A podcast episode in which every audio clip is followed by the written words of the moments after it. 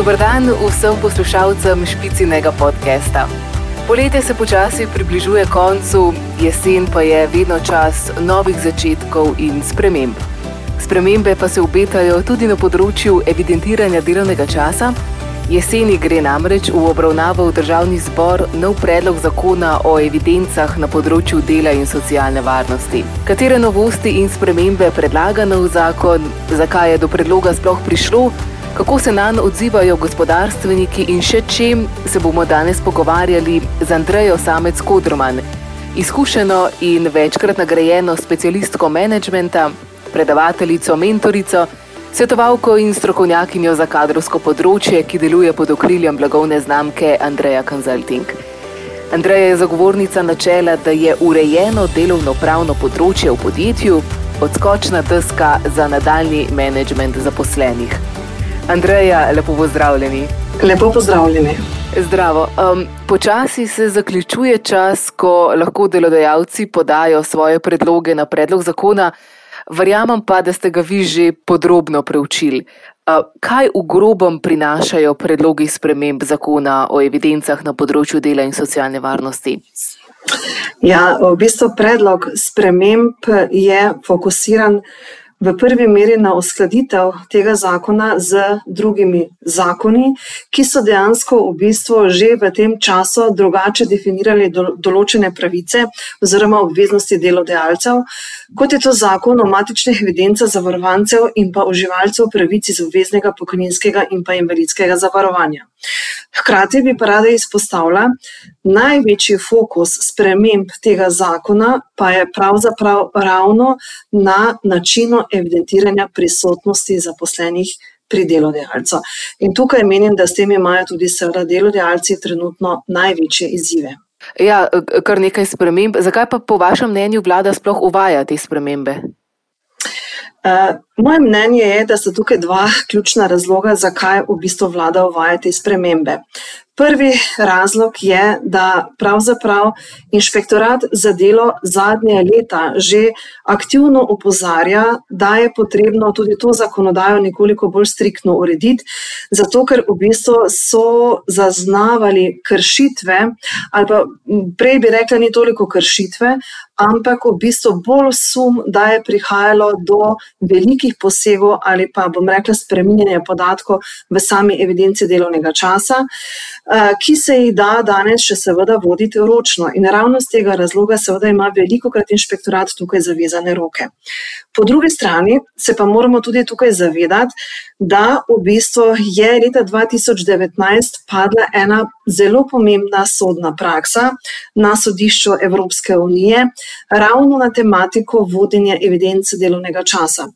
In na podlagi te sodne prakse je seveda eh, sodišče Evropske unije je pozvalo države članice, da morajo svoje delodajalce zavezati k temu, eh, da vzpostavijo takšen sistem evidentiranja delovnega časa, ki bo objektiven in pa tudi verodostojen. Zdaj, glede na to, da seveda se v praksi pogosto nekako zaznava, da te evidence niso povsem verodostojne, torej evidence, ki se veliko krat vodijo ročno, Verjamem, da je vlada šla v to smer, da bo spostavila zakon v tej smeri, da bo tudi seveda predpisala način evidentiranja, ki bo pa zagotavljal potem veliko bolj objektivne evidence, kar je seveda tudi cilj, da se potem preprečijo kršitve delovnega časa v ozadju. Mhm. Ja, zaznati je pa tudi kar nekaj negodovanja, bom rekla, nad predlogom zakona. Mm, Kot sem zaznala, je pereč problem predvsem to, kar ste rekli, ne, elektronsko evidentiranje delovnega časa. Zakaj mislite, da prihaja do teh pomislekov, a so upravičeni? Ja, zdaj, če malce eh, pogledamo našo delovno pravno zakonodajo, bi tukaj rada izpostavila, da pravila eh, in pa omejitve delovnega časa so opredeljene v zakonu o delovnih razmerjih in pa kolektivnih pogodbah. Kar pomeni v bistvu z uvajanjem sprememb zakona o evidencah na področju dela in socialne varnosti ne posegamo v pravila na področju delovne pravne zakonodaje, torej eh, na delovnem času, ki že tako in tako veljajo. Tisti delodajalci, ki pa imajo seveda sedaj izziv z elektronskim evidentiranjem prisotnosti, pa nekako tudi sporočajo, da morda organizacija dela v njihovi organizaciji ni povsem v okvirih delovno-pravne zakonodaje. In seveda elektronsko evidentiranje bo seveda tukaj potem to navzven tudi izkazovalo. Zdaj, to je pač, eh, bom rekla, en vidik. Drugi vidik, ki pa je tudi, seveda, bom rekla, zelo pogost, je pa ta, da imamo tudi določene delodajalce, ki nekako prepuščajo organizacijo delovnega časa zaposlenim samim. To so morda nekoliko bolj tehnološko napredne organizacije, kjer pravzaprav se delavci samostojno razporejajo delovni čas, eh, jim ga ne razporeja delodajalec in ga tudi ne evidentira. Imamo kar veliko takih eh, primerov, čeprav seveda to ni skladno za zakonodajo, ampak v teh primerih vidimo pa potem tudi izzive, da so zaposleni pravzaprav proti temu, da bi morali začeti to evidentiranje. Vendar, ne glede na to, zakon je tukaj jasen, tudi trenutni zakon, ki je še v veljavi, torej zakon o evidencah na področju dela in socialne varnosti, je evidenca delovnega časa, obvezna evidenca in pa evidenca, ki jo je delodajalec dolžan seveda hraniti trajno.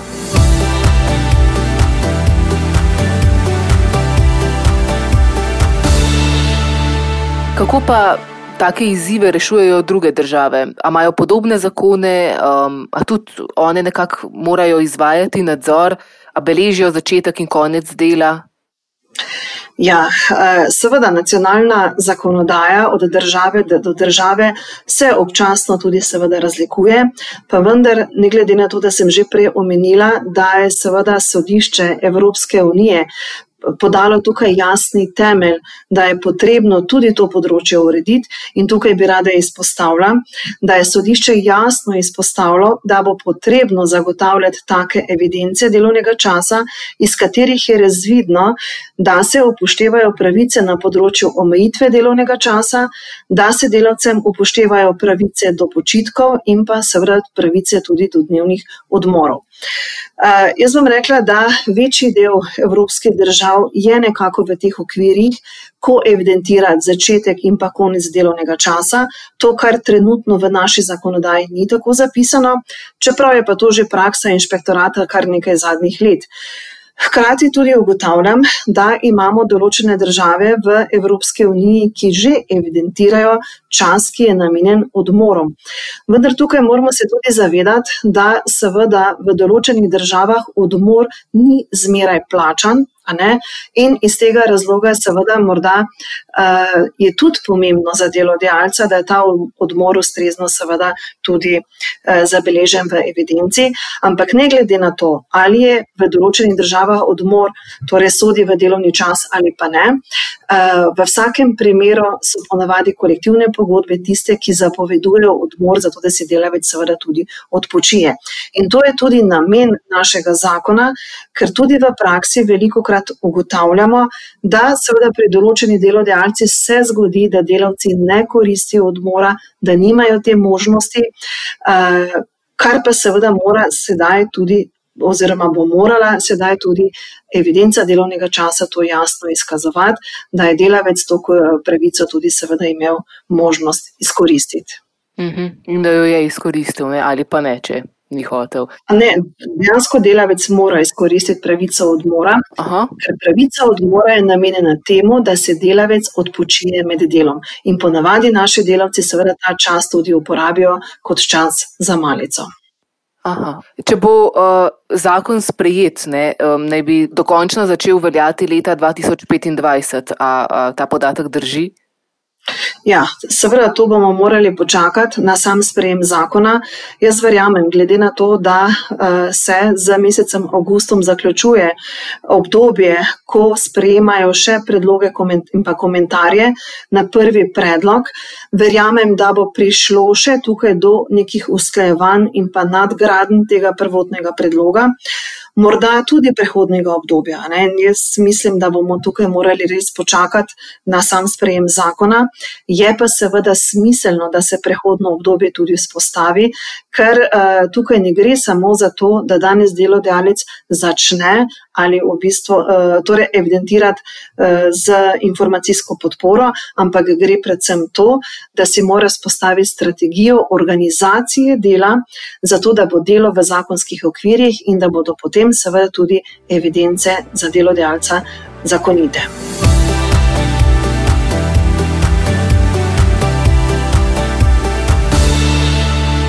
Imate kakšen predlog, kako se najbolje pripraviti in pa potem v praksi implementirati zakon? Ja, jaz moram reči, da to, uh, to je pač področje, ki ga jaz pri uh, seveda delodajalcih že na nek način uvajam. Uh, sama ugotavljam, da se tega ne da narediti čez noč. Uh, zato, ker bi rada izpostavila, seveda so veliki izzivi pri delodajalcih, predvsem iz tega vedika, ker veliko krat ugotovim, da delodajalci premalo časa oziroma pozornosti namenjajo sploh samemu evidentiranju delovnega časa. Torej, to sploh nekako ni za njih pomembno. In če to ni pomembno, potem seveda zadeve so takšne, kot so in veliko krat izven okvirjev delovno-pravne zakonodaje. Zdaj, tukaj je seveda najprej potrebno temu področju nameniti zadostno pozornost, spostaviti jasna pravila v organizaciji in ne samo to, da imamo jasna pravila, ki morajo biti seveda po moji oceni spisana, ravno z tega vidika, da lahko potem ta pravila predstavimo tudi zaposlenim, Hkrati pa je tukaj izjemnega pomena, da v bistvu določeni zaposleni prevzamejo del odgovornosti na področju organizacije dela, na področju spremljanja dela svojih sodelavcev in pa tudi na področju pravočasnega. Torej, koriščenja nekih viškov ali pa manjko ur, če seveda ima delodajalec v ozadju neenakomerno ali pa začasno razporeditev. Tukaj seveda apeliram predvsem na to, da, bo tukaj, da bodo tukaj vodje morali prevzeti en velik del odgovornosti za to, da bo se delo potem odvijalo v zakonskih okvirjih. In ne glede na to, če danes delodajalec temu ne namenja dovolj pozornosti, je še zdaj čas, da si spostavijo pravo strategijo, eh, kako v bistvu na podlagi te strategije pridemo do zakonitih evidenc. Ker potem tudi kasneje ne bo takih izzivov, ko bo delodajalec postavil seveda informacijsko podporo za evidentiranje delovnega časa, eh, ki pa seveda mora biti v zakonskih okvirjih, ker kolikor ni, je pač to tveganje glob strani inšpektorata za delo. Mhm. Predvsem, ne, kot ste rekli, eh, je treba veliko pozornosti nameniti tudi temu evidentiranju delovnega časa. Kaj pa mislite, na kakšne ovire lahko naletijo podjetja? Seveda, ovire uh, so tukaj, bom rekla, uh, z večjih vidikov. En je finančni vidik, kar pomeni, seveda, da to bo neki finančni strošek tudi za manjše delodajalce, ki se bodo seveda morali fokusirati na evidentiranje za informacijsko podporo. Potem naslednji vidik je to, da lahko pride tukaj tudi do upora določenih zaposlenih, kot je recimo vodilnih delavcev, ki ne bodo želeli prevzemati odgovornosti.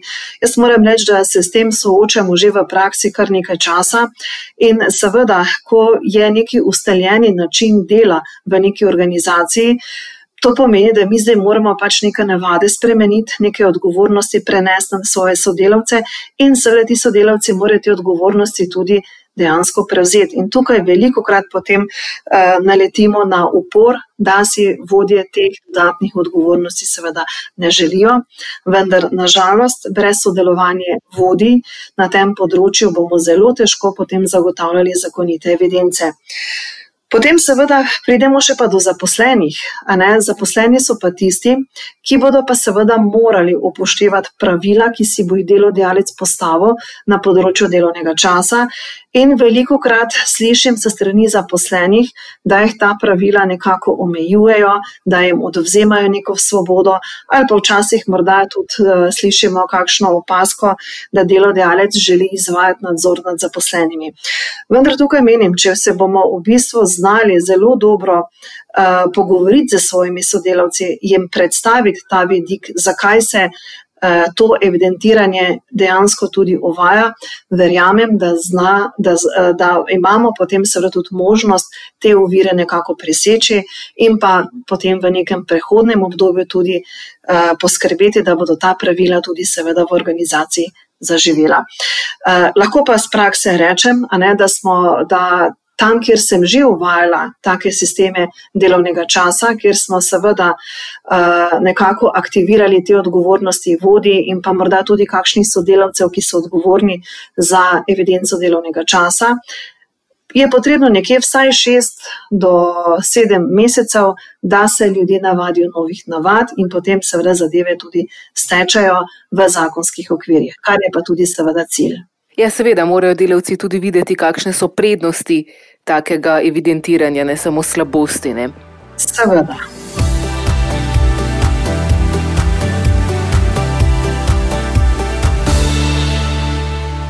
Verjamem pa, da se marsikateri delodajalec zdaj sooča s strahom, koliko ga bo stala vzpostavitev elektronskega sistema. Ampak kako je s tem, kdo bo pokril stroške upeljave? Ja, zdaj, kdo bo pokrival stroške upeljave, s tem se seveda vlada ne bo ukvarjala. Vlada je tista, ki bo seveda sprejela spremembe tega zakona in bo naložila seveda delodajalcem, da izpolnijo zahteve, kot bodo v zakonu tudi seveda zastavljene. Kar pomeni, da strošek seveda preostane posameznemu delodajalcu.